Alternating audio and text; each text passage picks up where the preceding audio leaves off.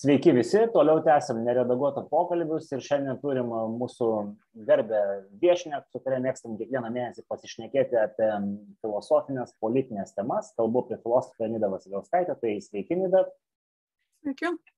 Tai pradžiai, aišku, norisi jūsų paklausti, kaip jaučiatės, kuo toliau, tuo labiau tampat mainstreamo, na, visokiausio pobūdžio žinučių, straipsnių, video reportažų žvaigždė ir, ir, ir tas jūsų, žodžiu, pasirodymas rugsėjo 10 mitingė yra, buvo iškirptas ten ir tiražuotas, kaip pojūčiai perinant iš akademinės į politinę orbitą.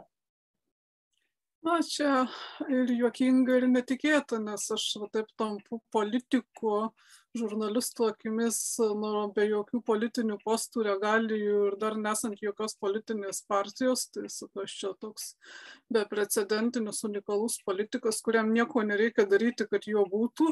Ir netgi jeigu taip, tai na, čia toks kazusas atsiranda įdomus, kad šiaip tai politikas liaujasi būti politiku, jeigu, tarkime, išeina iš pareigų, palieka Seimą ar savivaldybę, kurioje buvo, arba palieka partiją, o kadangi aš juo tapau dar niekur ne iki patekimo, tai, tai klausimas, kaip aš galėčiau liautis būti politiku, kaip ir niekaip, nebent, nebent a, prisiekčiau, pasižadėčiau, kad aš niekada, niekada neturėsiu minties apie buvimą. Tai, tai labai jokinga. A, kita vertus, na, iš tiesų nustebino šitas didžiulis žiotažas, kažkoks neadekvatus ir keistas, nes pranešimai oficialių medijų yra visi maždaug besisukantys aplink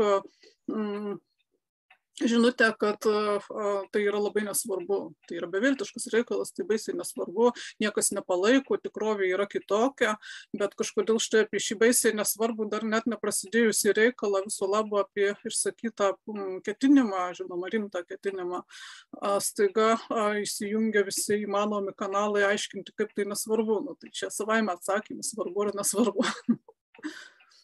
Jo, tai žinom, kad Yellow Pages jam žudbūt reikia turinio ir jie tas iš visko bando padaryti tai, kas klikbaitintų. Tai pabandykim gal pradžiai pasišnekėti, kadangi anonsavom temą kaip politinės partijos, kokią funkciją šitas, šitas organizmas atlieka politinėje sistemoje, ar turėtų atlikti ir, ir, ir, ir kokia jo paskirtis. Tai yra tiesiog politinis įrankis, politinio veikimo, kaip realiai tikėtis įgyti tą politinę galę, ne simbolinę, ne, ne kokią nors neformalią, bet būtent formalią ir tikrą, tiesiog kito būdo nėra. Tik tai politinė partija šioje esamoje politinėje tvarkoje. O tai, jeigu toks, o tai jeigu toks patikslinimas, mes žinom, kad nu, politinė partija tai iš principo yra grupė kažkokio intereso jungiamų asmenų, dažniausiai išlieka tie, kurie gali save kažkaip tai apgaupti kažkokią, sakykime, skraistą ideologinę, kuri daugmaž yra primtina, sakykime, taip, jeigu imsime Europą kaip pavyzdį Europoje. Ar čia yra tas ideologinis matmo politiniai partijai tik kažkoks kevalas, ar, ar, čia, ar čia yra esminis akcentas, nes mes žinom, kad, tai, sakykime, alternatyvioje žiniasklaidoje daž, dažnai būna vadinama, kad politinės partijos tai jom parenkami visokie, sakykime, taip, kartelių Pietų Afrikoje pavadinimai, neva tai yra e, tiesiog organizuota, organizuota žmonių grupė su labai tokiais tiesmukais interesais. Kaip, kaip jums atrodo?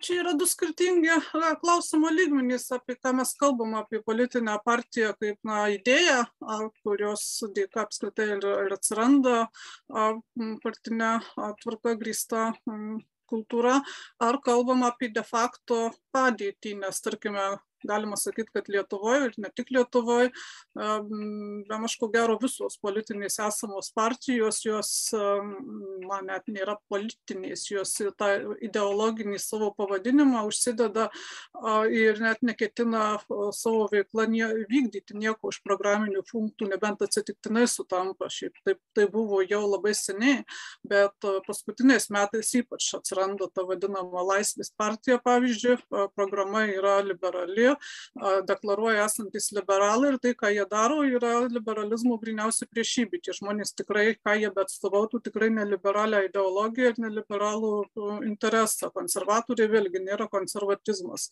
Ir, ir praktiškai didžiąją dalim savo veiklos per visą mūsų nepriklausomybės istoriją nebuvo. Socialdemokratai nėra kairieji, nors vis tokiais vadina valstiečiai, darbo partija irgi šiaip jau tai, tarkim, oligarchinės partijos atstovaujančios stambų į kapitalą, jokia ne kairė, nors, nors Lietuvos viešoje erdvėje ir ypač iš konservatorių pusės visada jie vaizduojami kaip kažkokie kairieji tai faktiškai yra tokia padėtis kad tos politinės partijos tiesiog prisiima pavadinimą kokį nors nu numatantį ideologines konotacijas ir nieko panašaus nedaro nes realiai jos yra susikūrusios kitu pagrindu ne pasaulėvaizdžio ne požiūrio bendriausio į valstybę pilietį jų tarpusavio santykį kas apibrėžtų ideologiją bet na tai yra apie na tarkim apie kažkokį oligarchą ar kitais būdais galią turinčius, turinčią grupuotę susitelkę asmenys, bet tokia klientelė, jau galbūt Romos patrono lindinčių klientų prasme, grupė interesų, kurių, tų žmonių, kurie tiesiog susiję savo socialinę poziciją, savo ekonominės įvairiausiais saitais, giminystės ryšiais su tuo patronu ar patronų grupė ir jie jį lydi ir sako bet ką, ką tikimasi, kad na, reikia pasakyti. Ir, tarkime, priežastis, kodėl kažkada konservatoriai Lietuvoje tapo konservatoriais, praktiškai labai banali ir paprasta. Todėl, kad reikėjo užsakyti opozicinę valią esamam tuo metu status quo, vadinasi, tai vyrančiai sovietiniai struktūrai, taigi pavadinam tą labiau pro-establishmentinę pusę, vėliau virtusią socialdemokratais komunistais, o kas komunistų priešai, arba socialistų, na tai konservatoriai lyg. Tai, tai gerai, mes būsim konservatoriais, bet esmė tai, kad jie viso labo nori būti anos grupuotės priešais ir varžytis dėl įtakos, ne, ne kad jie kuo nors konservatyvūs. Tarkime, tas pats virtęs patyčiai prastinė konservatorių, tas na, nukreiptas į politinius priešus arba na šiaip tos pravardžiuojamus homosovietikai žmonės.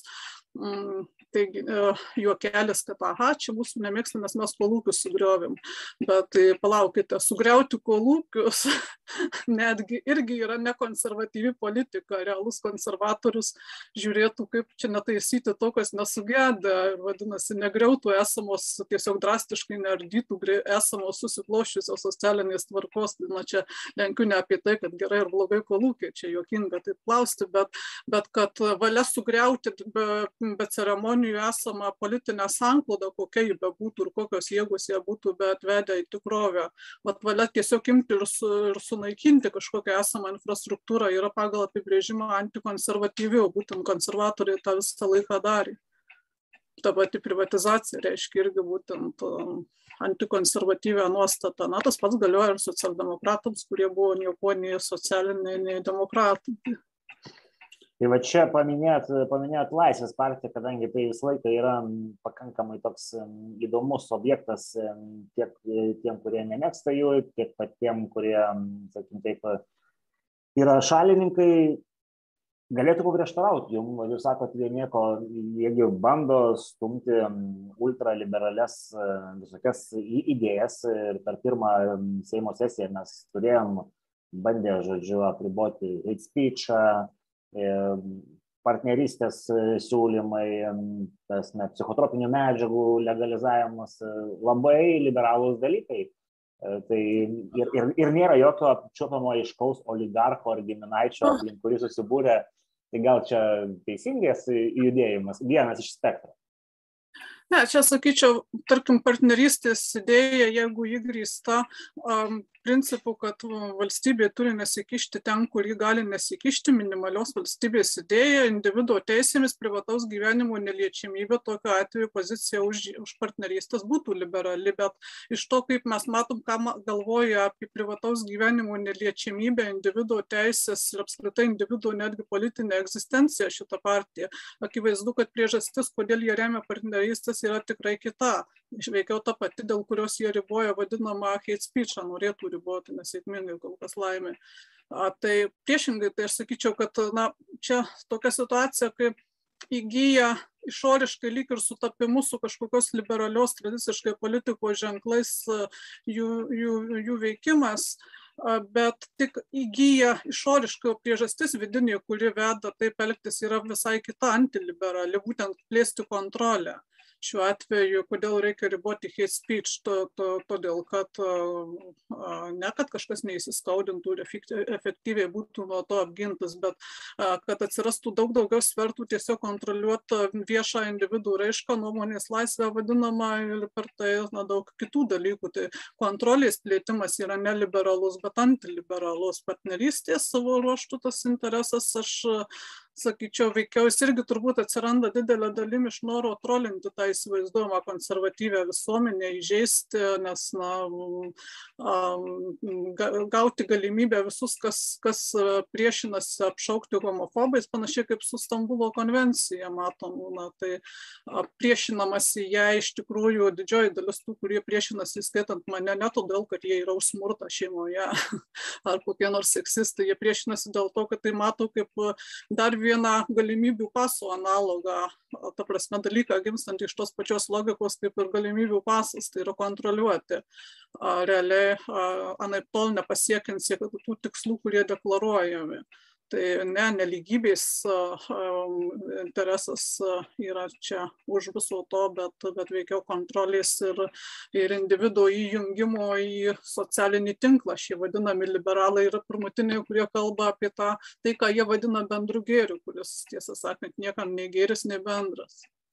Bet va čia yra vienas toks argumentas. E, šitą partiją daugam norisi ir daug kas taip vadina leftistais, bet jeigu mes pažiūrim jų ekonominį sąjungą, tai jie, nu, sakykime taip, e, jie yra už, už verslą, už, e, tasme, nu, tai yra pakankamai liberali, liberali ar net libertariai ta politika, sakykime. Tai leftistais jos vienareikšmiškai pakrikštyti ir neįmanoma. Ne, ne, ne, čia bereikalingas pravardžiavimas įnešantis daug nesusipratimo. Jie nėra nei leftistai, nei jie nėra už tradiciškai suprantama, tarkime, laisvą rinką ar, ar smulkų ar vidutinį verslą, kas irgi būtų liberali pozicija. Priešingai, jie yra už stambų kapitalą, tai veikiau yra kelių oligarchinių jėgų atvesta į valdžią partija, kuri nori būtent monopolio valstybės globos, ne nepriklausomybės nuo valstybės ir galimybės veikti įsilaikant rinkoje, bet veikiau įvairių protekcijų, ES pinigų kanalų ir panašių dalykų. Tai yra gerovės valstybė veikiau kabutėse, o ne, ne laisva rinka savo modeliu. Tai, tai čia būtų na, tiesiog bandymas kaip sukurti vas šiltas sinekūras, vieteles savam įtakingam lobistų ratui, tai nei liberalizmas, nei, nei kairė. Tai tam tikras, na, reketavimas valstybės. Tai vat, tą kontekstą dabar jau šiek tiek e, įvedus Lietuvoje yra vat, vienas iš Facebook'o sekėjo klausimų, kuris va, čia, taip klausant jūsų, labai neblogai įsikomponuoja. Tai klausia sekėja, ar įmanoma, kad jūsų partija, čia prezimuojant, kad bus partija, mes apie tai dar pakalbėsim, bet e, galbūt išmetus netgi, kad jūsų partija, ar įmanoma sistemoje kažką pakeisti. Ir kaip, jeigu va, yra tokia situacija, kaip, kaip dabar yra, kaip jums atrodo kokia yra galimybė grasrūtui, iš apačios žmonėms e, suformuoti vieną ar, dvi ar performuoti politinę sistemą. Ar turim kažkokių precedentų pasaulyje, Europoje, kad tam kažkaip tai panašus objektų kažkoks tai uždavinys buvo įgyvenintas ir, ir, ir pavyko? Na, niekada šiaip negalvojau, kad aš kaip nors bandysiu atsidurti politikoje, nes būtent aš to nenoriu. Ir vienas pagrindinių argumentų buvo ir tebelieka, kad tai yra atsiduriant esamoje sistemoje pagal esamas taisyklės yra visiškai beprasmė nuobodi veikla tarkime sukurti partiją politinę tam kad perliptum tuos kelis procentus ir kelis žmones pasodintum į seimą ir ten tupėtum yra visiškai beprasmiška ir tikrai nieko negalima pakeisti.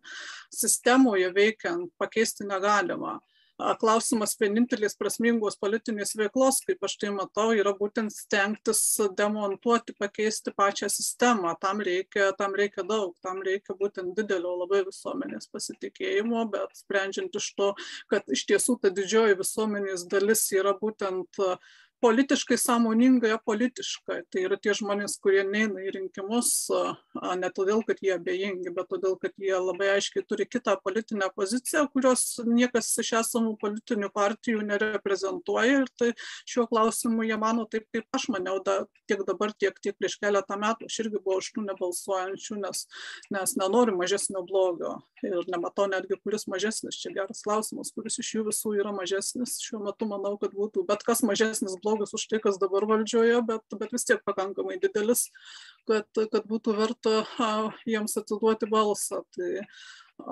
čia kalba gali būti tik apie tai, kaip pakeisti visą šitą, šitą Lebenswelt, visą šitą horizontą politinį. Na, tai aš puikiai suprantu, kad tai yra grandiozinis uždavinys, bet, bet netikint tokią galimybę iš viso ne, neverta ką nors daryti, o pačios sąlygos dabar yra būtent unikaliai palankios tiesiog tai tas metas, kai galima arba, arba viską pralošti, skaitant nuo savo galvą, arba laimėti labai daug. Tiesiog, na, rizika. Tai manau, kad tik tokie žaidimai ir verti būti žaidžiami. Bet jūs minėt, kad yra ta samoningai apolitiška žmonių Lietuvos piliečių dalis. Yra tekę girdėti iš ne vieno politologo, kad neva būtų galimas tuos nebalsuojančius nurašyti kaip nesėkmingos Lietuvos dalį, kuri nesupranta, žodžiu, sėkmės receptų, e, jos nuvylė tas na, valstybės globos, sakykime taip, kažkoks stygius e, ir jie tiesiog dabar užsiema savo, savo žodžiu, asmeniniais reikalais ir, ir praradė viltį. Kaip, kaip jūs vat, matot, kas yra ta nebalsuojanti Lietuva? Nes mes čia galima sakyti, kalbam vos ne apie 50 procentų Lietuvos gyventojų. Taip, iš ties. Va, šis argumentas politologų, tų dvaro politologų, kurį jūs paminėjote, jis, jis, na, jis graudus, tiesą sakant, man gaila ir gėda klausyti, kai žmonės su politologiniu įsilavinimu taip, taip kalba, nes a, tai, tai nėra grįsta jokia analizė socialinė, ekonominė, tai tiesiog yra paprastasis prasivardžiavimas, bandant pateisinti, kad na štai visi, kurie yra nepatenkinti, tai jie nepatenkinti, nes, na, todėl šiaip savo nepatenkinti yra iracionalūs, neatsakingi, jeigu balsuoja prieš esamą politinę konjunktūrą, tai tik dėl to, kad jie tiesiog prieš bet ką, kas tuo metu būtų valdžia, būtų nepatenkinti, nes tokie jau tie žmonės yra kvaili ir iracionalūs. Tai yra kitas būdas pasakyti, kad, kad taip, vyriausybė, taip, jūs esate puikiai ir nuostabi ir viską, ką jūs darote, darote gerai ir net jeigu jūsų reitingai katastrofiškai krenta, tai čia ne dėl to, kad jūs kažką blogai darėte, o mes blogai patarėme ir ne todėl, kad visos PR agentūros jums iš esmės patarinėjo taip, kad jūs atsidurtumėte ten, kur dabar esate. Ne, viskas yra tik tik todėl, kad tie žmonės tokie kvaili ir nesupranta, kaip jūs protingai vadovaujate. Čia, čia tiesiog yra ne politologo analizė, jokia čia ideologija, čia, čia pataikavimo būdas ir kūrimas įspūdžio, kad taip yra, o yra visiškai kitaip. Didžioji dalis tų, kurie yra priešiški tiesiog visoms esamoms politinėms partijoms, jie priešiški ne todėl, kad šiaip savo yra kažkokie negatyvistai ir nori būti prieš bet ką, o todėl, kad turi labai aiška, aiškas konkrečias priežastis. Jie nemato pagrindo pasitikėti nei vieną iš šių politinių jėgų. Viena iš tų priežasčių jau mano įvardinta, kad jos neatstovauja ideologijų, kad na, jos elgesi apgaudamos rinkėjų politinius pažadus, pavyzdžiui, pavyzdžiui, iš tų, kurie dabar atvedė į valdžią tuos pačius liberalus ir konservatorius, labai daug žmonių sako, kad mes daugiau niekada gyvenime taip nesielgsim, nes, nes mes patikėjom, kad jie liberalūs, mes balsavom, kad jie elgtųsi kaip liberalai, paaiškėjo, kad jie daro viską priešingai. Tai na, tiesiog visiškai apviltas politinis pasitikėjimas ir, ir visa, visa šita nepriklausomybės laikmetį. Jie praktiškai yra uždaryti tarp iš esmės tarpusavėje susijusių viena nuo kitos nelabai atskiriamų, kitaip kaip tik pagal interesų gaujas ir, ir kažkokius asmeninius ir finansinius saitus tų politinių struktūrų, tarp kurių tenka rinktis, o jų nei vienos niekas nenori rinktis dėl to, kad niekas kitas nesusiorganizavo ir neatstovauja būtent realių politinių interesų. Šito, šitos esamos partijos jos man neturi būtent didžiosios dalies visuomenės pasitikėjimo. Jos išstatomos kas kart per rinkimus kaip pasirinkimų spektras tarp produktų, kurių nei vieno niekas nenorėtų pirkti ir jaučiasi geriausiu atveju priverstas. Ir kartą pabando priverstas, antrą priverstas, o toliau nebenori būti verčiamas ir pasitraukia. Tai visi jie yra tie laukiantys, kas galbūt pabandys politiškai artikuliuoti tai, ką jie iš tikrųjų mano, jaučia ir norėtų rinktis kaip, kaip tam tikrą gėrį, o ne kaip mažesnį blogį. Nu, šitoje vietoje vat, norisi paklausti. Yra tokia hipotezė, kad vat, tos tradicinės politinės jėgos jos yra, sakykime, taip degradavę, panaudokim tokį žodį. Ir yra dažnai palyginimui paimama Lenkija arba Vengrija ir sakoma, kad vat, yra nacionalpopulistiniai judėjimai, e, suplakę kairės dešinės e, tos tradicinės, e, žodžiu, idealus, labiau atspindi kai kuriuos, nesame, daugumos žmonių, žodžiu, lūkesčius. Ir vat jie užima vat, tas valdančias vietas. Bet vėlgi verta pastebėti, kad toj pačioj Lenkijoje tas pats rinkėjų aktyvumas, jisai yra didesnis negu Lietuvoje, bet mes kalbam, nu, ten, nežinau, nuo 5 iki 10 procentų didesnis aktyvumas, tai sakykim, taip jiem pavyko ištraukti iš to šešėlio dar papildomai vat, tokią dalį žmonių. Kaip čia yra, ar čia unikali situacija Lietuvoje, ar, ar čia kažko pas mus trūksta tam politiniam spektre, ko pavyzdžiui, vat, yra minėtose valstybėse Lenkijoje ir Vengrijoje, ar čia dar kažkas? Na čia ne nežymus palyginti skirtumas šiaip visas visa europa ir ne tik europa kenčia nuo nuo kasmet mažėjančio pilietinio aktyvumo būtent dėl panašių priežasčių.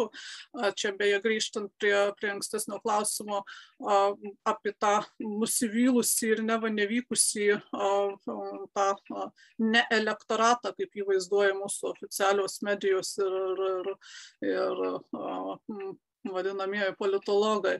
Tai, tai nėra būtent grįsta jokia realia socialinė analizė. Nėra taip, kad tie žmonės iš tiesų būtų pasižymintys kokiam nors žemesnėm pajamom, tuo labiau žemesniu įsilavinimu, tą būtų nesunku parodyti, tą visi stebėdami savo aplinką puikiai žino, kad taip nėra.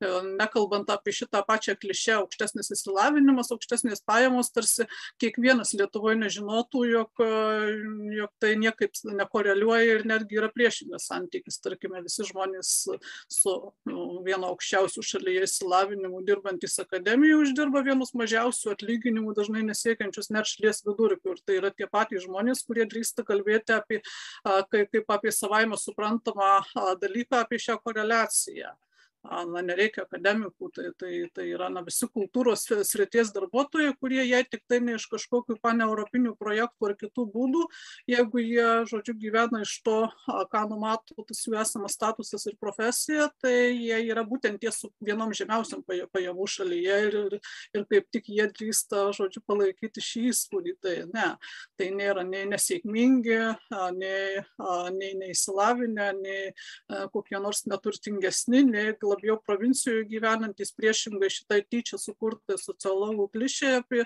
apie vat, paramą nu, šitos įsivaizduomos pirmosios Lietuvos, pirmą apie jos buvimą, antrą apie jos paramą mm, valdančiams jėgoms, tiesiog na, realybė yra mm, kur kas sudėtingesnė yra naip tol netokia, čia fikcija, kuri nuolat pateikiama kaip realybė. Čia norisi paminėti, prieš keletą metų SPMI išleido rinkimų analizų studiją ir ten buvo palyginti e, Lietuvoje vykę rinkimai ir pagal įvairius pjūvius surušiuota mūsų elektoratas, žmonės pagal prielankumus, tarkim, ten e, krikščionybei, pagal sentimentus buvusiai santvarkai ir, ir eilė kitų. Ir ten buvo išskirtas vienas momentas, kad yra kažkokių paralelių tarp tų, kurie vat, savo laiku sekė paskui Rolandą Paksą, po to, po to paskui, paskui Viktoras Paschik, vėliau dalis jų nuėjo paskui Ramūną Karbauskį. Tai va čia prie to pačio aš noriu paklausti visai irgi, ne, ne seniai mes turėjom filmą apie Brexitą Anglijai, kur buvo parodoma, kaip modernių technologijų dėka buvo ištraukta dalis elektorato, va, iš to irgi ne, nebalsuojančio. Bet taip supras, kad tas nebalsuojantis ten irgi buvo toks nu, nikus elektoratas, žmonės, kurie gyvena ten council fletuose, žodžiu, ar ten kažkokiuose periferiniuose gaustaunuose, iki jų buvo daita įvairiais tiksliniais socialinių medijų kanalais, kuriais nerasimų neprieidavo, sakykime, tie tradiciniai partijų atstovai Britanijos atveju. Tai ar nėra jokio pagrindo manyti, kad didelė dalis žmonių, kurie nebalsuoja, visgi neturi daug, tas, na, politinio, tas, sakykime, kažkokio nuovokumo. Taip, paklausim, o taip klausim. Ned, tikrai nedidelė, tam tikra galbūt, bet nedidesnė negu, negu iš tų, kurie balsuoja aktyviai. Jie tikrai labai nuovokus tie, kurie kruopščiai pagal komandas bėga paliūdyti, kad savo balsais, kad jie, kaip jiems sakė laikraščiai, yra tie labiau įsilavinę ir su aukštesnėm pajamom. Sakyčiau, tai šie yra didelė, didelė dalimi patys nenuvokiausi, lengviausiai indoktrinuojami ir balsuojantis dėl to, kad jiems balsas už tą ar kitą partiją asocijuojasi su, su paspirtukais ir petys už laisvę ar panašiais niekais šiaip vat čia reikėtų vengti įsivaizduoti tą nebalsuojančią daugumą kaip kažkokį monolitą. Aš to jokiu būdu nesakau tai yra labai įvairūs žmonės. Jie savo jie nėra vieningi savo politinėm pažiūrom. Na dalis iš jų galbūt yra tų kurie iš tiesų būtų abejingi ir na jų niekaip neištrauksi ir nereikia traukti. Bet didelė dalis ypač dabar pasikeitus situacijai nes kalbam apie šiandien o ne apie prieš penkis metus na jie ne negali būti abejingi tam, kas vyksta, nes tai paliečia tiesiogiai jų gyvenimus, jų finansus ir, ir jie, jie dabar kiekvienam turbūt praktiškai yra aišku, įskaitant benamį, kad jis ne, nebegali gyventi taip kaip anksčiau, jeigu neatsiras galimybė na, kažką, kažką daryti.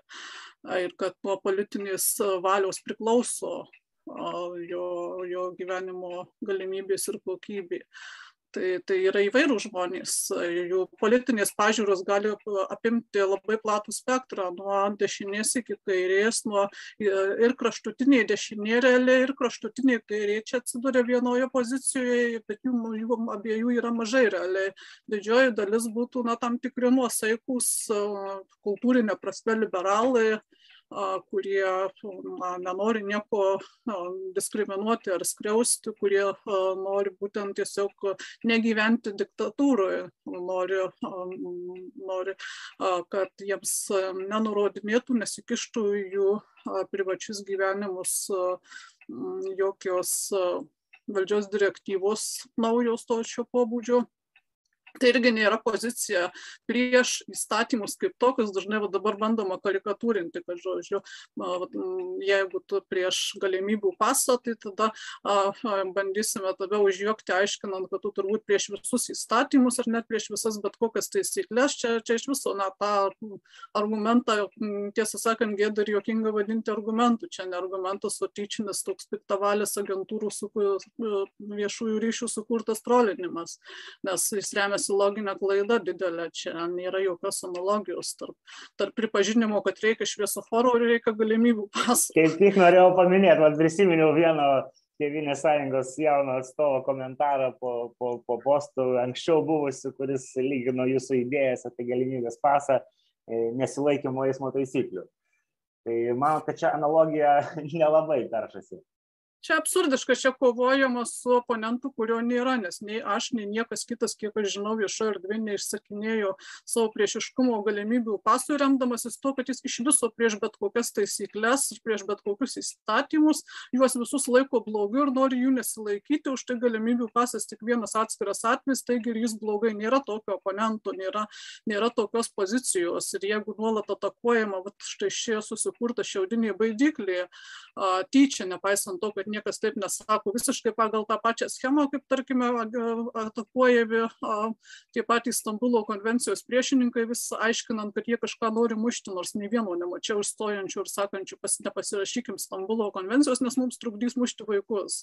Tokių nėra bet vis nuolat su jais bandoma virtualiai kovoti kaip, kaip su tokiais. Tai na, čia, čia nepavadinsim to diskusiją ir nepasakysim, kad tie, kas tai kartoja, iš tiesų nežino, jie tikrai mano, kad, kad va yra tokie oponentai, jie, nežino, jie negali nežinoti, jie ne, negyvena vakume, jie puikiai žino, kad to niekas nesako, jie taip, taip tyčia va, daro šį, šį, šią, šią loginę spragą, nes prieš galimybių pasą pasisakoma ne todėl, kad tai tam tikra taisyklė, ne todėl, kad jie įvedė valdžia, ne todėl, kad tai tam tikras nutarimas, beje, įstatymų tai irgi dar niekaip nėra įtvirtinta, tai ne įstatymas, o todėl, kad tai yra konkretus labai specifinis štai šis potvarkis, kuris pažeidžia tai, kuo remiasi įstatymai, įstatymų pagrindus, tuos konstitucinius nuostatus, todėl kad tai yra perž... neteisėtas ir nepateisinamas jokia pragmatika, visi tie oficialūs argumentai, kodėl to reikia, jie yra, na, geriausiu atveju verti juoko, jie net laiko jokios kritikos, o net jeigu ir atlaikytų, net jie iš tiesų galimybių pasas kaip nors stebuklingai padėtų apsaugoti dalies visuomenės, tarkime, sveikatą bet sąskaita to, kad sunaikinamas žmonių gyvenimas praktiškai, tai man politinis sprendimas yra pasakyti, kad mes nesutinkam mokėti šios kainos. Mes neįgaliojome jokios vyriausybės priimti tokius sprendimus. Tai yra prieš esamą mūsų tą tiek rašytą konstituciją, tiek nerašytą politinį paktą. Jo, tai mes jau matom, kad e, didžioji dauguma, nu, didžioji gal nepavadinsim, bet dauguma jau yra, kaip sakoma, galintis išsiimti pasą ir e, ta, tas, tas vektorius e, veikia, matyt, žmonės bijo prarasti savo, savo pajamas ir gerbuvį. Ir va čia dar norisi, norisi paklausti, va, tas žodis išsakytas irgi dažnai būna su tuo, tas kaltinimas, kad ne va jūs valdančioji daugumoje matot diktatūrą, kalbate apie juos kaip apie fašistus, bet realiai tas na, visas civilizuotas pasaulis e, naudoja apribojimus ir, ir čia ne diktatūra, čia yra dėl bendro gėrio. Nesileisim matyti tą dalyką, kas yra teisė būti neužtiestam. Su, su, su teisininku šiandien apšnekėjom, kad ta, ta teisė yra fikcija, bet ar tikrai čia yra diktatūra, ką mes turim, ar, ar tikrai mes neperspaudžiam, kai sakom, kad čia yra fašizmas ir, ir panašiai, kaip jums atrodo. Tikrai pati tikriausia diktatūra ir pats tikriausias fašizmas pagal visą eilę formalių požymių ir pagal intencijas. Ir mm, galima savo ruoštų paklausti, o tie, kurie mano, kad čia mes perspaudžiam, gal jie paaiškintų, kaip atrodo tuomet diktatūra kaip iš tikrųjų vyktų demokratijos demontavimas, pakeitimas vienos santvarkos kita, teimimas piliečiams galimybių organizuotis, reikšti savo politinę valią, protestuoti visi tie kaltinimai viešoje erdvėje iš labai oficialių asmenų, ne iš kažkokių anoniminių trolių. Ir tai būtų signalas, kad kritikuoti esamą valdžią yra antivalstybinės veikla. Aš, aš neutriruoju, aš cituoju. Antivalstybinė veikla - kritikuoti ir būti nepatenkintų pateikti argumentus, net jeigu tų argumentų nebūtų. Na, šiaip sentimentas, va, tarkime, susirenka nepatenkinta minė, tai nereikia iš jos juoktis, jeigu ji nesugebėtų, tarkime, aiškiai išdėstyti, dėl ko jinai nepatenkinta. Jeigu ji vis dėlto susirinko ir yra rimtai nepatenkinta, nes daug didelės pastangos turi būti mobilizuotos, kad ji iš viso fiziškai susirinktų, tai vadinasi, kažkas už to yra ir tai, tai tada tų, kurie save laiko intelektualais, užduotis yra įvardinti tiksliai, kas yra. Dėl nieko niekas nesusirenka. Tai kad konkretus žmogus gali kartais nemokėti pasakyti, kodėl jis taip blogai jaučiasi, tai, tai nereiškia, kad jis neturi pagrindo jaustis ar kad jis neteisus. Šiuo pagrindu žiūrėkinėti irgi neišeinama. Kaip, kaip atrodo diktatūra? Diktatūra yra valdžios centralizacija ir ne vienose rankose. Demokratija numato tą padalinimą trijų valdžių atskirimo principą šiuo atveju mes Lietuvoje matom teisinės ir faktinės pastangas, kiek tik įmanoma tą, to padalinimo mm, išvengti, paliekant į popierių ir net iš popierių patraukiant visą galę centralizuoti vykdomosios valdžios rankos, keisti įstatymų projektus, mm, vyriausybės nutarimais mosuoti taip, lyg jie būtų teisinė, lyg jie turėtų įstatymų galę, nors taip nėra. Žodžiu, matom valdžios centralizaciją. Tai viena antras momentas, matom pastangą nutildyti ir eliminuoti, e, išjuokti, demonizuoti, vaizduoti kaip valstybės priešus, Rusijos agentus arba beviltiškus kvailius, versti nuolatinės patyčių objektais, bet kokią galimą opoziciją, visus suplakant į vieną praktiškai nebėra jokių viešų mainstreaminiai žiniasklaidų diskusijų, jeigu tave ir pakviečia į jų laidą, tai na, aiškiai galim matyti didžiulį šališkumą, bandymą parodyti tave kaip na, kažkokį nelabai adekvatų, ignoruoti svarbius argumentus ir nuolat sukti kalbą prie, prie kažkokių komiškų sugretinimų, neadekvačių ir nepagristų, kartoti ir kartoti vis tą patį iš naujo yra visai tokių technikėlių žodžiu, matom žiniasklaidos virtimą praktiškai propagandiniu monopoliu valstybinės pozicijos. Irgi nebekalbėsim apie oficialią laisvą žiniasklaidą, jos praktiškai beveik nėra. Dar vienas diktatūros požymis ar ne. Liečių nugalinimas. Kalba eina ne tik apie referendumo praktinį, kaip politinio instrumento praktinį panaikinimą, kas jau įvyko merų tiesioginių rinkimų, nebėra, vadinasi, merai taptų lojalūs centriniai valdžiai tokiu būdu. Nu, jie dar nepanaikinti, dar galbūt ir, taip, ir bus. Taip, bet, taip bet, bet yra aiški valia, taip pat kalbos apie tai, kad rinkėjai per kvaili ką nors spręsti ir vadinasi, jie turbūt gal net ir Seimo narių tiesiogiai neturėtų rinkti. Uh, klausimas, o kodėl jie tokie kvaili galėtų balsuoti už partiją, irgi nežinau, kalba eina apie praktiškai pasakymą, kad ir rinkimų nereikia. Ir mm, asmeninė erdvė iki pat susitraukusi ne tik iki tiesiogiai iki kūno, bet net ir kūnas taiga jau viešai sakinėjama, kad jis nebėra individų nuosavybė. Klausimas, kieno nuosavybė visuomenės, apie kurios interesą sprendžia nebe visuomenė, nes kai visuomenė susirenka mitingų ar kokią kitą formą, tada tai ne visuomenė. Tai vadinasi, sprendžia, kas vyriausybė tampa visuomenė ir sprendžia, ką mums daryti su savo finansais, su savo kūnu, su savo darbu, su savo įvairiom galimom veiklom. Tai, tai yra diktatūra ir ne šiaip diktatūrėlė, tai totalitarizmas pats tikriausias realus ir čia joks švelnesnis žodis netinka. Nu, čia aišku, galbūt kai kas ir sutirštinta, bet nes nu, kažkokių debatų mes matom, o aišku, žiniasklaida. Aš kalbu apie kryptį, apie tendenciją, mm. tai dar, dar galutinai nepavirtų, mes dar gyvenam, bet, bet, bet jei nesutrukdysim, tai, tai laiko klausimas, kas bus toliau. Tai va šitoje vietoje ir nori, norisi paklausti, žodžiu, tai koks tas jūsų planas ėjimo į politiką, nes su, suprantam jau iš to, ką, ką šnekėjom, kad kaip ir tendencijos, tendencingai nebuvo norima ten eiti, bet situacija verčia. Tai va ir, ir, ir dauguma klaus, klausytojų, žiūrovų, patronų klausia, tai kokios tos idėjos aplinka jūs bursite politinę jėgą. E, visi, visi nori kažkokio tokio aiškumo ir nes, na, nu, vat, e, turim čia pavyzdį, kaip prieš keletą metų pavyko suburti naują lietuvišką masinę partiją, galbūt ne visai naują, bet e, ten buvo, sakykim, daug kapitalo įdėta ir, ir surinktas toks įdomus darinys iš tokių ne visai susietų dalelių. Tai kokia vat, jūsų vizija ir, ir, ir Kaip jūs įsivaizduojate? Na, pirmiausia, yra šita konkreti situacija. Jeigu ne jie, aš niekur neičiau. Jeigu dabar kažkas tai žadėtų efektyviai įgyvendinti, na taip, kad galėtume patikėti, aš irgi neičiau, sakyčiau, darykite kas nors kitas bet na, tiesiog jau, jau, jaučiu, kad na, nebėra mm, jokios e, kitos išeities, nes tiesiog tie kiti žmonės, kurie pasako šiuo atveju irgi poziciją prieš, prieš esamą mm, praktiškai mūsų akise besikristalizuojančią diktatūrą, jie kartais na, dar, dar na, turi savo specifinę a, tokią aplinką ar retoriką papildomą, kuri juos e, marginalizuoja ir tada, tada nuo jų atsiriboja kiti, kurie būtent pritartų dėl, dėl esminių dalykų, bet jie tada na, yra įpratę sakyti, kad oi, nu, čia, čia dar sakė, dar šitą yra nau, dar čia šalia tas atsistoju, to politiniai praeitis, tokiu žodžiu jiems nepavyks atskirai vieniems patiems sutelkti kažko daugiau negu, negu apie juos dabar yra, nors realiai žmonių, kurie būtų labai sunerime dėl to, kas dabar dedasi ir kurie norėtų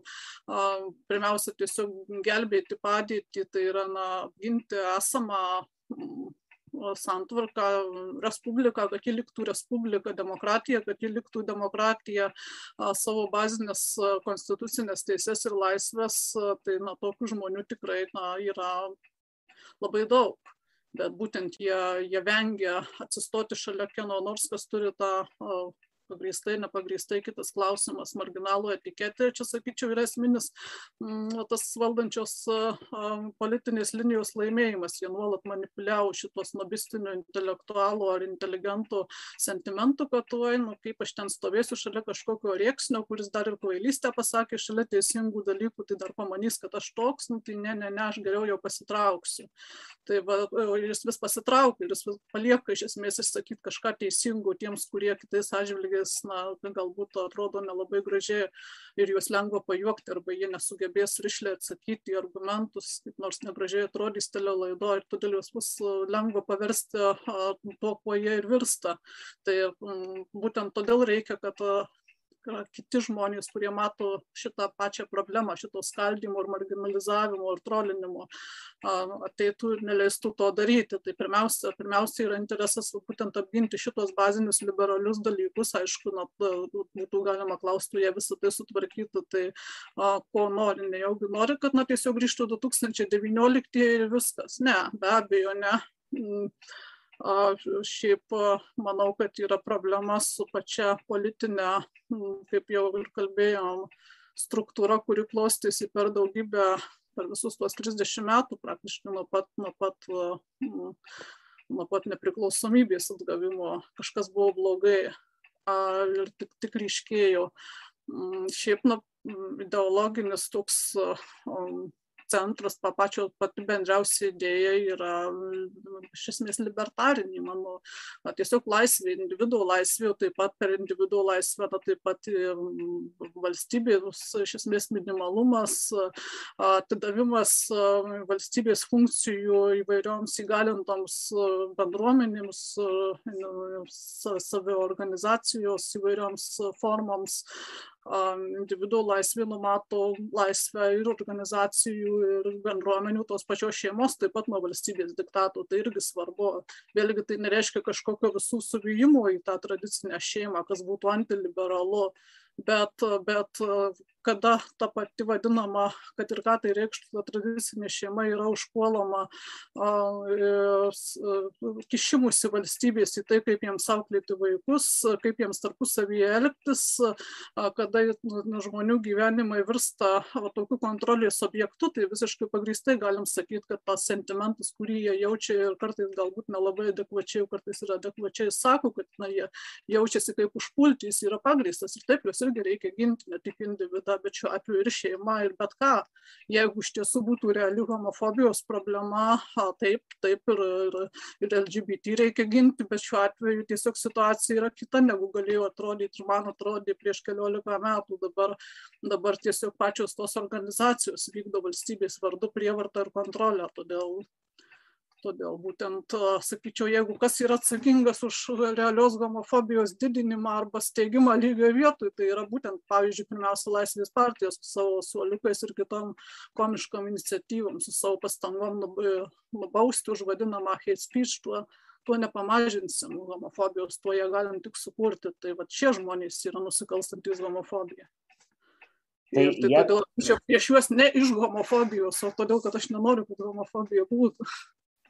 Supratau, tai čia toks slidus reikalas. Tai iš to, ką girdžiu, tai viena vertus būtų kažkokia tarpinė politinė jėga, kita vertus kaip ir yra tam tikras, sakim taip, libertarinis, kaip jūs sakėte, fokusas ir tai galėtų būti politinė jėga politiniam spektre. Tai aišku, yra to, tos smulkmenos, į kurias žmonės labai linkia gilintis ir jos yra svarbios kaip sako Britai, devil is in the details. Tai daug kas klausia, kas tas brandolys galėtų būti, kuris va, aplink jūs ar su jumis burtusi.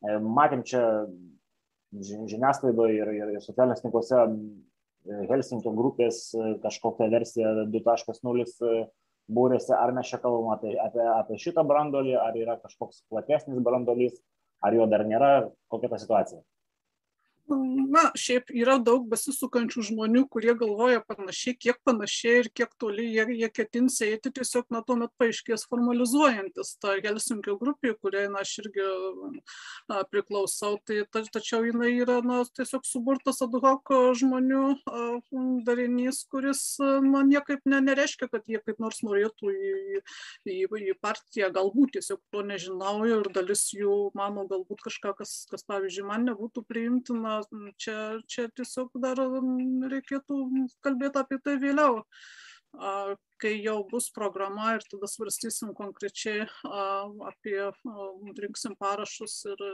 steigimui, tada, tada man bus matyti. Šiaip yra daug žmonių, kurie, kurie galvoja panašiai ir sako, kad to reikia, bet na, kol kas dar nekalbam apie realų atsidūrimą kažkokiam sąraše. Tai matysim. Nu, iš, tai tikrai iš, iš, nėra tie žmonės, kuriuos linkia prikišinėti ir priskirinėti ir lyginti tie vis, viešos erdvės propagandistai, kurie sako, ah, tai tu čia kaip kažkoks tas ar anas, kaip, kaip Paleckis ar, ar, ar, ar dar kažkas. Ne, ne vienas iš tų vardų, kuriuos jie čia priplakinėja, neturi nieko bendro, na, nebent jie kažkaip netyčia norėtų.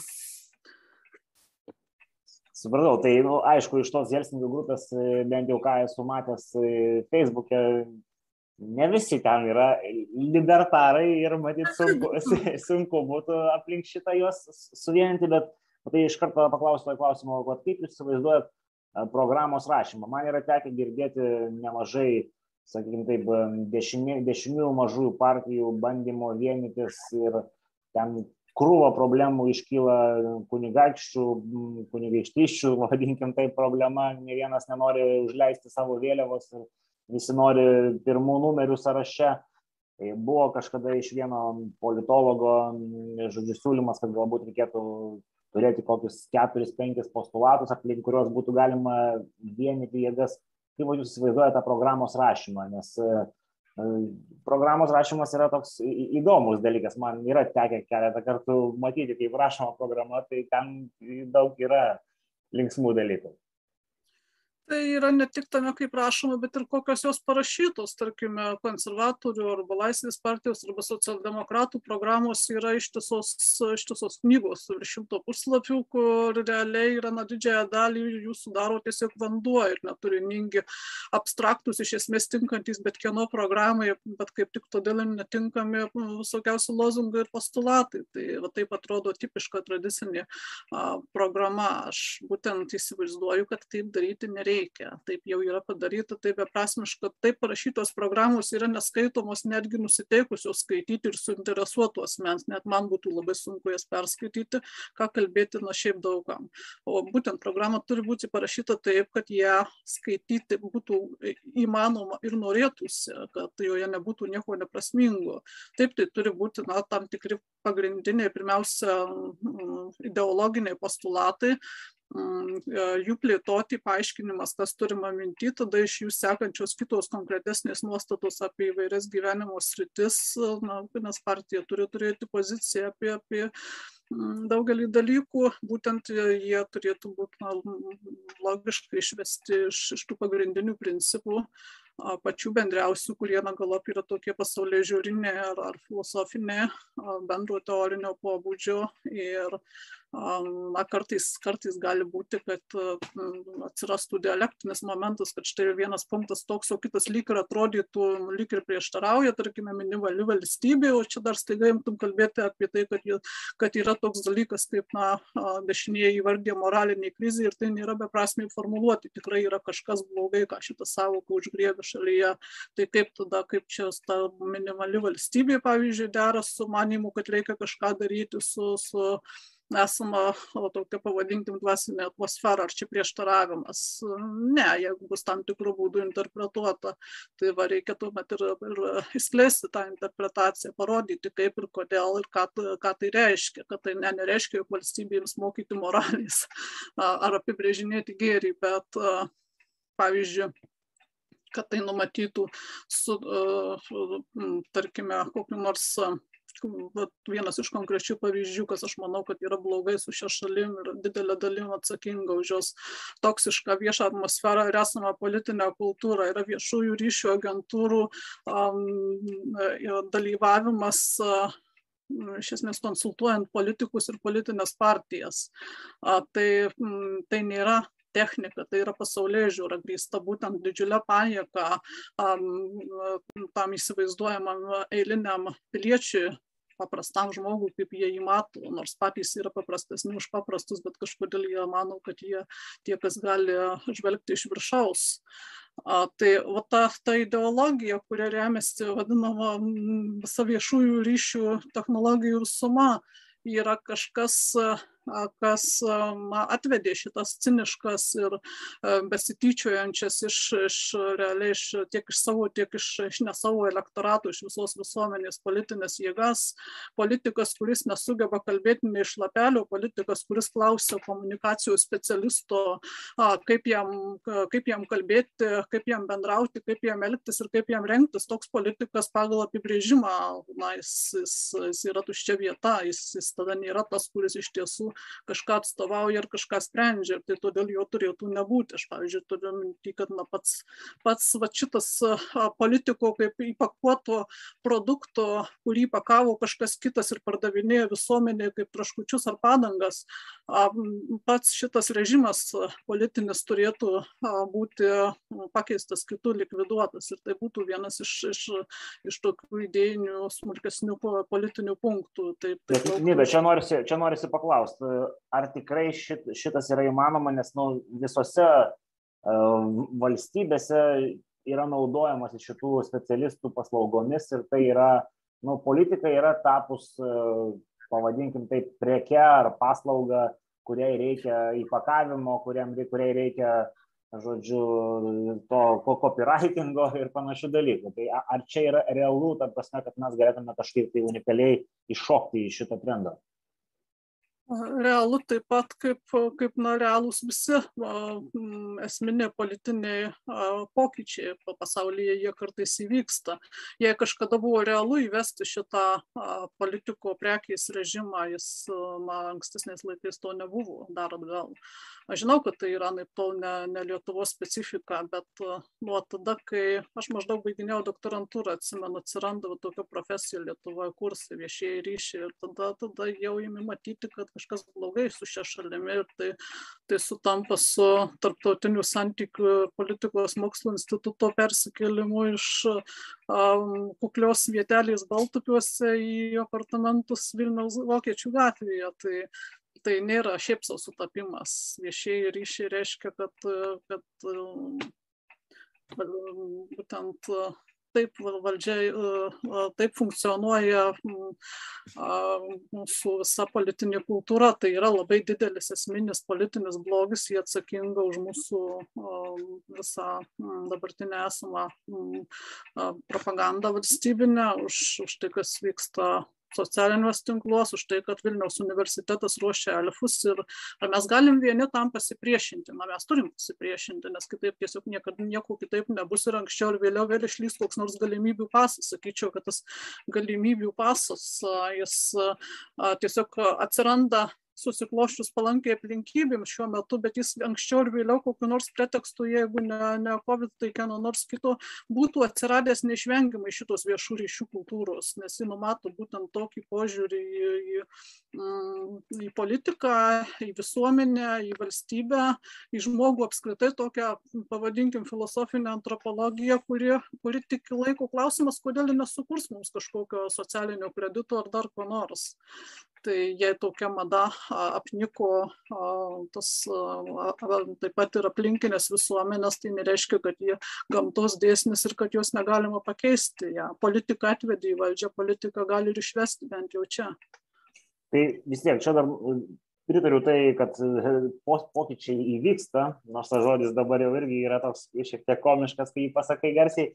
E, kaip vis, vis tiek dar norisi užakcentuoti, kaip jūs įsivaizduojate eigą tos programos rašymo? Ar tai bus kažkoks, nežinau, open sourcinis projektas tarp, tarp bendraminčių, tarp norinčių, ar, ar visgi bus keletas žmonių, kurie susės, padarys pradžią ir po to bandys tuo privilioti didesnį kiekį žmonių, nes laiko tarpas iki rinkimų nu, jis nėra didelis ir e, realiai visa šita rinkimų mašina, pavadinkim taip, jinai ir funkcionuoja, nes jis žino, kad jis turi padaryti ten per tiek laiko tą, per tiek laiko tą, nes e, realiai pasiekti, dar aš po to prieisim, bet kaip, kaip jūs pasieksit žmonės, e, bet e, ta pati programos gimimo strategija, ko, kokią jūs ją matote.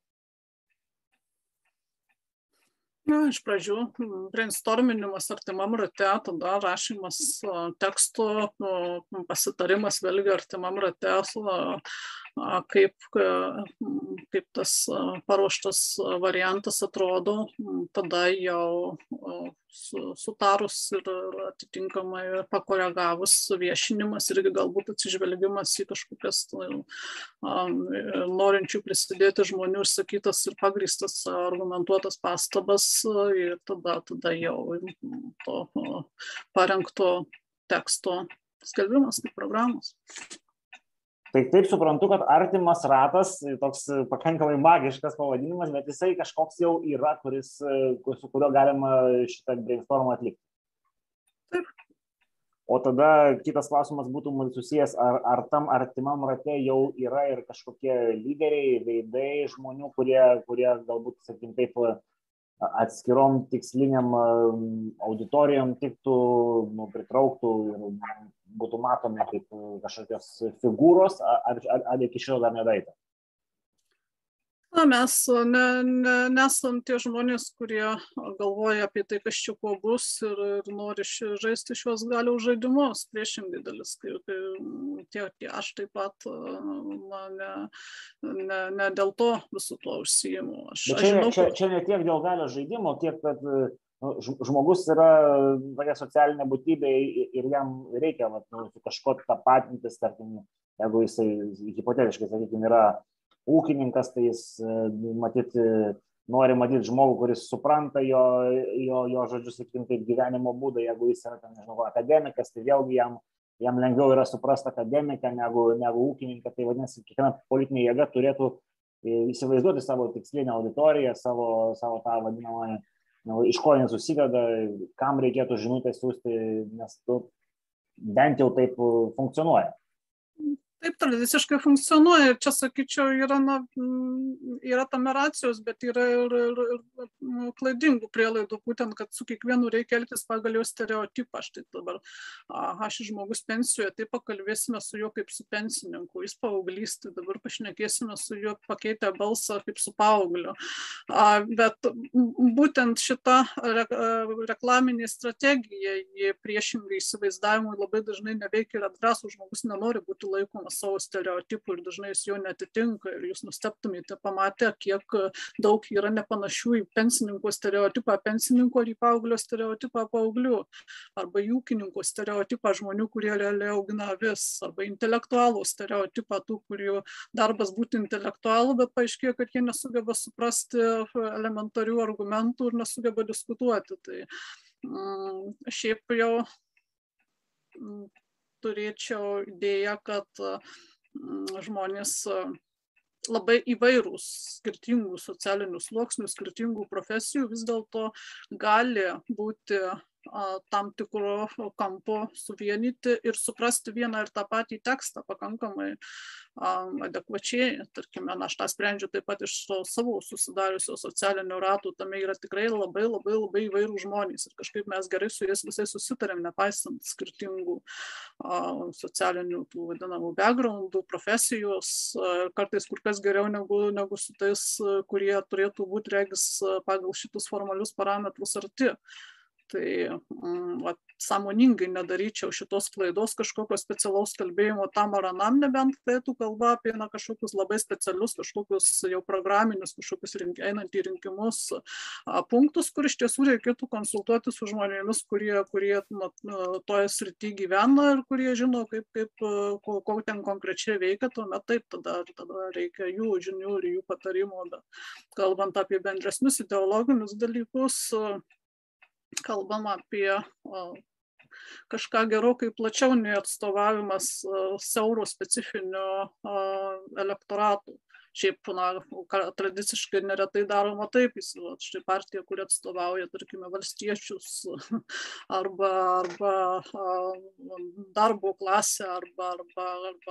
arba pasiturinčius verslininkus ar dar kažką bet šiuo atveju mes turim ne tokią situaciją ir čia čia gal tas potencialus elektoratas yra tiek pasiturintis verslininkas tiek tiek neturtingas ūkininkas tiek studentas tiek tiek teatralas tiek iš principo kiekvienas, kuris sutarė dėl, dėl bendrų pasaulyje žiūrinių idėjų apie tai, kokia turi būti valstybė, apie tai, kas sprendžia, ką daryti žmogui su savo gyvenimu, kam brangi, paprastai tariant, laisvė, o kas, kas mano, kad geriau tegul jam įpakos gražiai politiką viešųjų ryšių agentūrų, jis nuėjęs atsižymėti, paliūdyti savo draugams savo aukštų pajamų ir aukšto įsilavinimo, pabalsuodamas už tą, kurį jam įpakavo. Čia pagrindinis šiandien politinis skirtumas.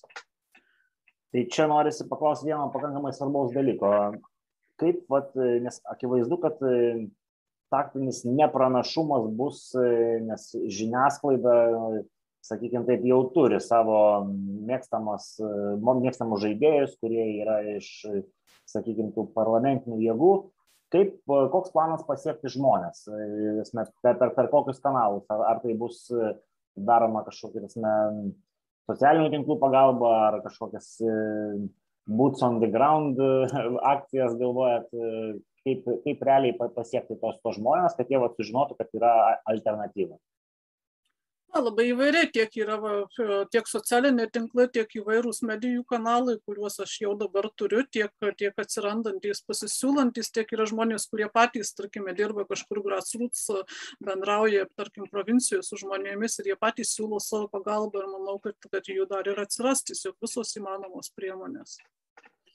Supratau, tai Mhm. Nesu toj situacijų, kad na, tiesiog staiga e, atsirasčiau lygioje vietoje kaip visai nežinomas žmogus ir man reikėtų prasibrauti į viešumą, kaip kad na, su tokia bėda susidurdavo didžioji dalis tų vadinamų mažyčių partijų, kurios dažnai va prikišamos kaip kontra pavyzdys, kad aha, čia jų tiek prikurta ir nei viena ne, neperžengė tų kelių procentų, nes, nes na, jos ir neperžengs. Ar aš niekiek nesistebiu, kad jos neperžengė, būtų labai keistai, būtų kitaip, nes tai yra būtent uh, jos, jos visos kartu susivienyje irgi nieko neperžengtų, nes jos viena nuo kitos nesiskiria ir gali realiai paimti tik tai kažkokį labai labai mm, siaurą specifinį, dažnai būtent pagyvenusį mm, elektoratą, net neturi nei kanalų žiniasklaidos, nei, nei kažkokių turinčių ar galinčių turėti a, politinės simpatijas, socialinės pirmiausia žmonių ir mm, nei kažko artikuliuotai pasakyti daugiau kaip na tokį mm, gana trivialiai išreikštą bendrą nerimą. Tai tie.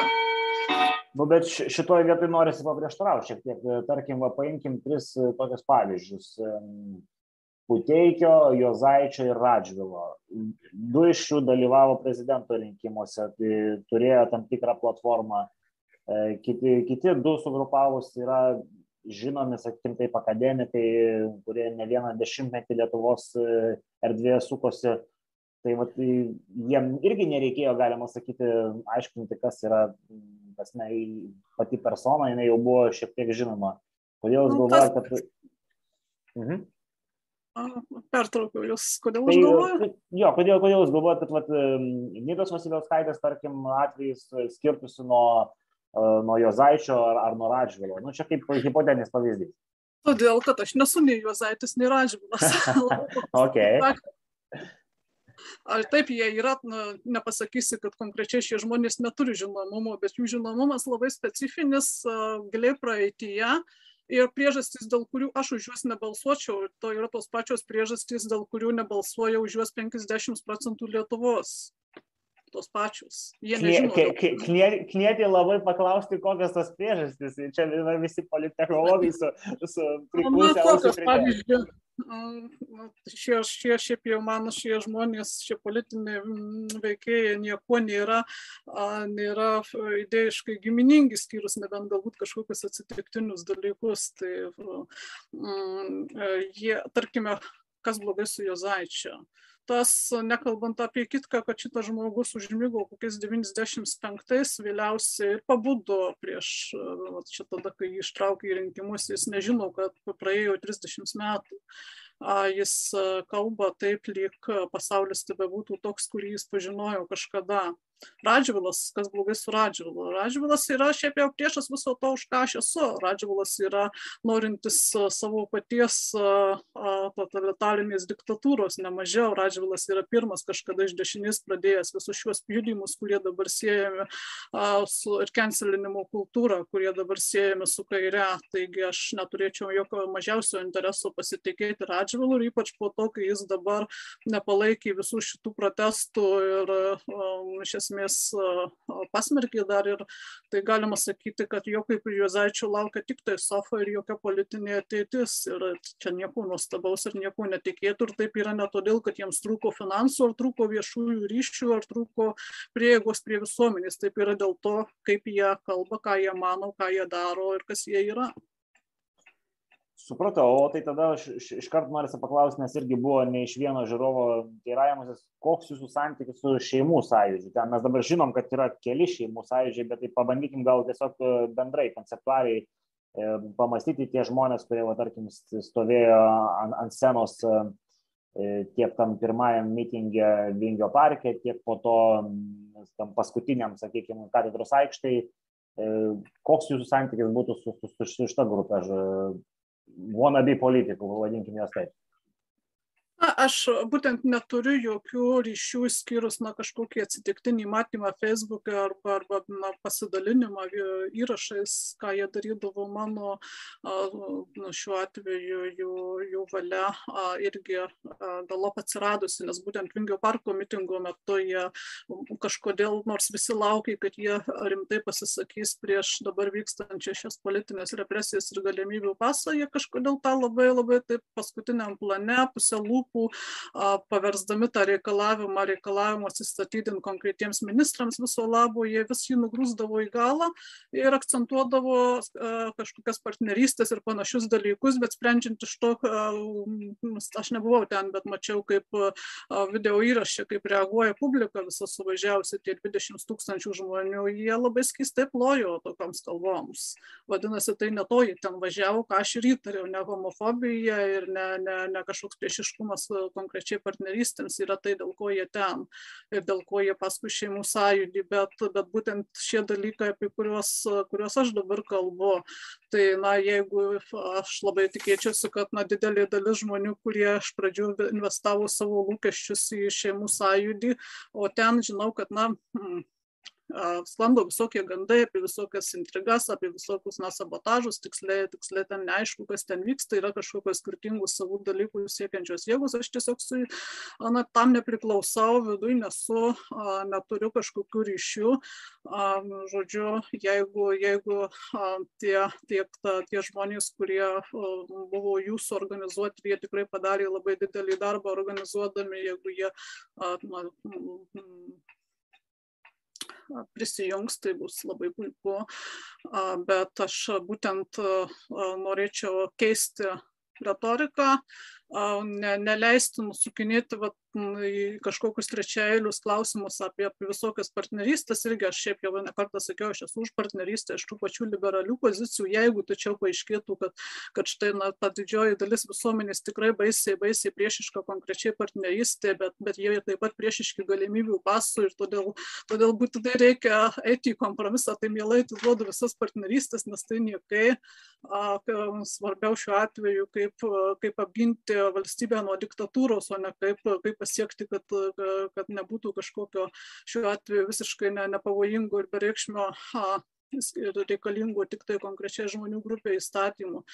Tai va, va, to, tie dalykai, tam tikra retorika, tam tikras žodynas man tiek na, tame nepatikdavo, tiek tai galima vertinti kaip na, nežinia dėl kokių jėgų veikimų vykstantį tam tikrą sabotažą, nes tai netliepia iš tikrųjų nei visuomenės didžiosios dalies ten ateinančios lūkesčių, nei nėra politiškai svarbu, bet tai labai patogu va, tai valdančiai linijai vaizduoti visus šios žmonės, ką jie ir daro medijose, kad štai jie kažkokie tamsuoliai, homofobai, pikti, jie čia atėjo dėl to, kad nekenčia gėjų ir nori vaikus mušti, kas yra absoliutus melas ir diskreditacija. Ir va, man labai a, nemalonu būdavo stebėti, kada kai kurie kalbėtojai iš, iš šeimų mm, sąjūdžio ar kitų panašių struktūrų tą vis kažkaip išsakydavo, nes, nes tai yra tiesiog dovanėlį, taip juos taip, taip rėminti, taip nereikia.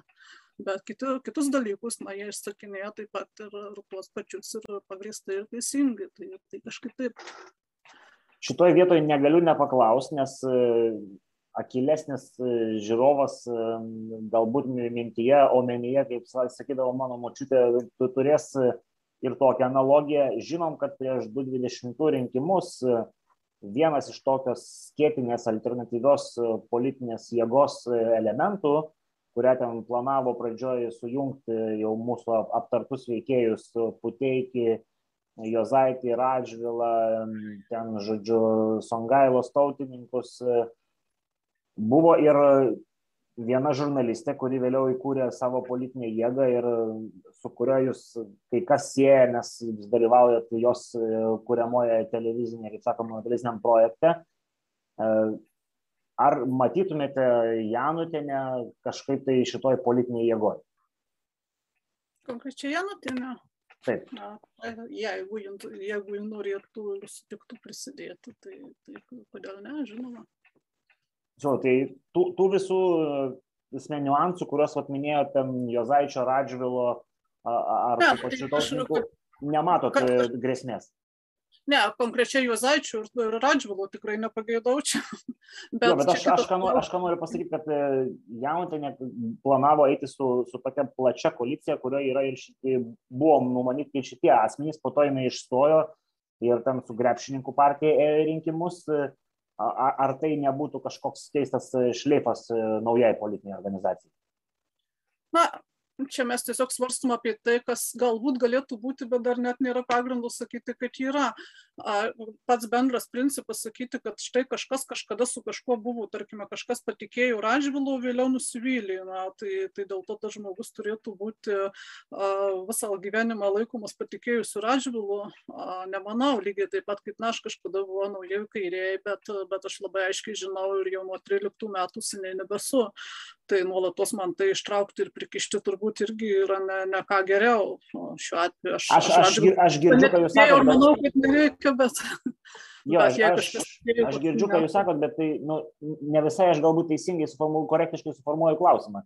Radžvilas čia paskutiniai vietoje šitoje organizacijoje, kuri buvo formuojama, nes jisai, matyt, dėl asmeninių ambicijų atšoko pats, pats pirmas arba ta kita dalis atšoko nuo jo, bet, sakykime taip, Puteikis, Jozaitis ir Jauntinė buvo tikrai bendraminčiai, pridėjus tautininkus ir, ir va, tiesiog jūs atskiriat e, tuos kelis kitus elementus, tai va, aš čia dėl to ir paklausiau dėl šito elemento, nes čia buvo re, realus, e, sakykime taip, kažkokios alternatyvios koalicijos darinys, kuris žlugo prieš pat rinkimus ir po to jūs įskaidė į tris ar keturias atskiras dalis. Ten, dabar net visų pavadinimų, tiesą sakant, ne, nepasakysiu taip e, ekspromptu. Bet supratau, žodžiu, kažkokio priešiškumo nėra, čia jūs nematot e, problemų. Konkrečiai, konkrečiai jai tikrai ne, šiaip aš um, turiu priešiškumą bendrai idėjai ką nors kuo nors sutepti ir vis baksnoti, kad vat, kažkas kažkur buvo, kažkur kažkas kažką darė, kažkada už kažką balsavo, net tą, tiesą sakant, nėra nieko pasitikėti tuo pačiu Juozaičiu, kad ir koks jis man nebūtų simpatiškas ar puteikiu, yra kur kas mažiau blogai negu pasitikėti šimonytę, bet jeigu kažkas, kas pasitikėjo šimonytę ir už ją balsavo, dabar norėtų prisijungti, tai, tai, tai puiku. Būtent nereikia žiūrėti taip, kad, kad naisiotis po kažkieno biografiją ir, ir visą gyvenimą kaltinti. Žmonės daro klaidas. Šiuo atveju man būtų svarbu, vat, kaip, kad tie žmonės pritartų dabar išsakytiems dalykams, principams, sutartų dėl vizijos o ne ką jie kažkada manė ar, ar, ar, ar kuo pasitikėjo, ar dėl ko suklydo. Ne, okay. ne kad atsivesti tokius, kokie jie buvo kažkada a, ir toliau leisti, kad na, staiga a, tapti jais, o atvirkščiai, kad na, tai tegul jie tampa mumis. Jo, tai pačiai pabaigai tada palikime keletą tokių komiškų dalykų. Tai vienas iš tų komiškų dalykų, kuris sklando burbulė, tai yra naujos partijos pavadinimas. Ir, gan, ir jūs vedėt, žodžiu, šitos apklausas, kur link leiktų pavadinimas alternatyvios grupės, pavadinkim taip, pseudo pavadinimus irgi ten rušiavo, bandė, bandė sujungti 15 žodžių į krūvą ir, ir, ir iš to gauti partijos pavadinimą. Bet čia yra pakankamai rimtas dalykas, nes, kaip sako, sakykime taip, inžinieriai ar, ar kažkokie IT žmonės pavadinti dalykus yra pats sunkiausias dalykas pasaulyje, naming things, žodžiu. Tai kaip, kaip pat jum atrodytų tas pavadinimas, ar jis jau kažkoks mintyje yra tam artimam rate žmonių, ar, ar jisai dar kažkur tai idėjų pasaulyje?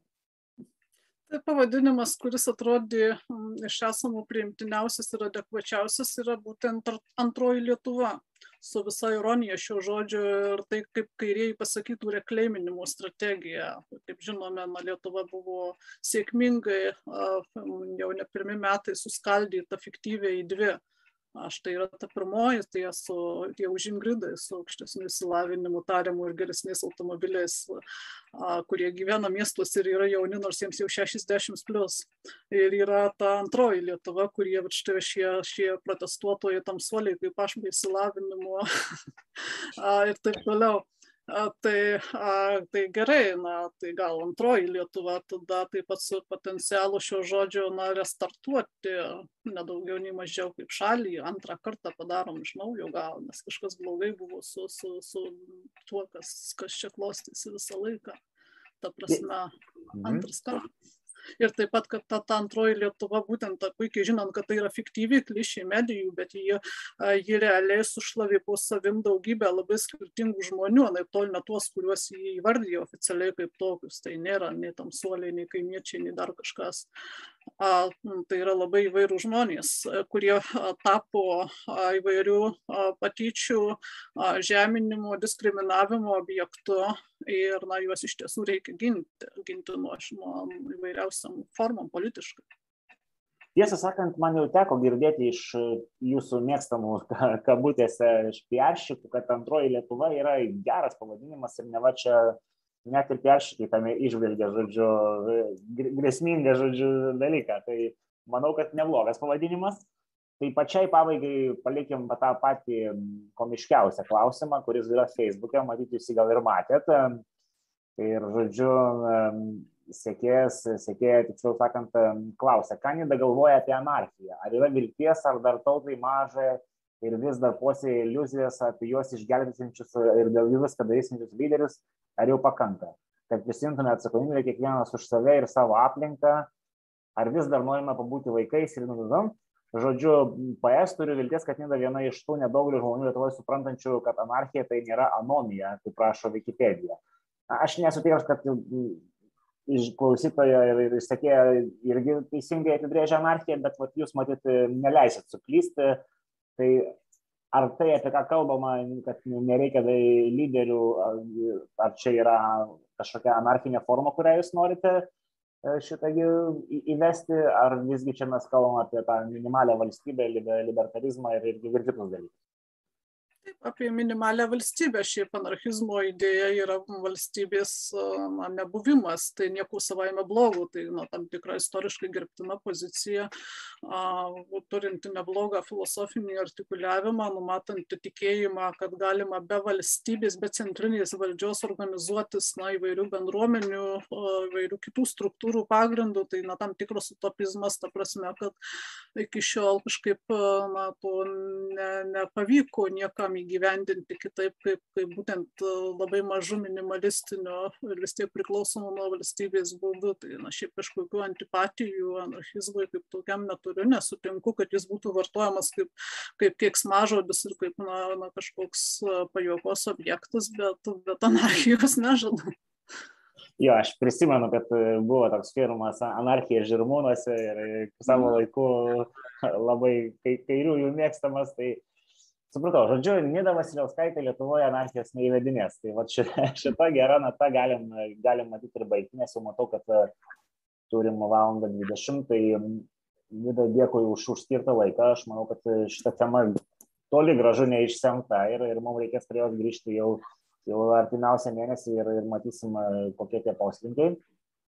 Tai, tai dėkui už skirtą laiką. Ačiū. Tai dėkui visiems, kur, kurie žiūrit. Nepamirškit mūsų socialiniuose tinkluose. Kaip matot, tarkim, mūsų Facebook grupėje Nida irgi visai aktyviai reaguoja į išsakomas mintis, tai kad turit progą tie, kurie vienu ar kitu būdu negalit pabendrauti su Nida pas ją profilyje, galit pas mus. Aišku, mes irgi netoleruojam tam tikrų dalykų, bet, bet visi kiti bendravimo būdai yra įmanomi. Ir ką, tada iki kitų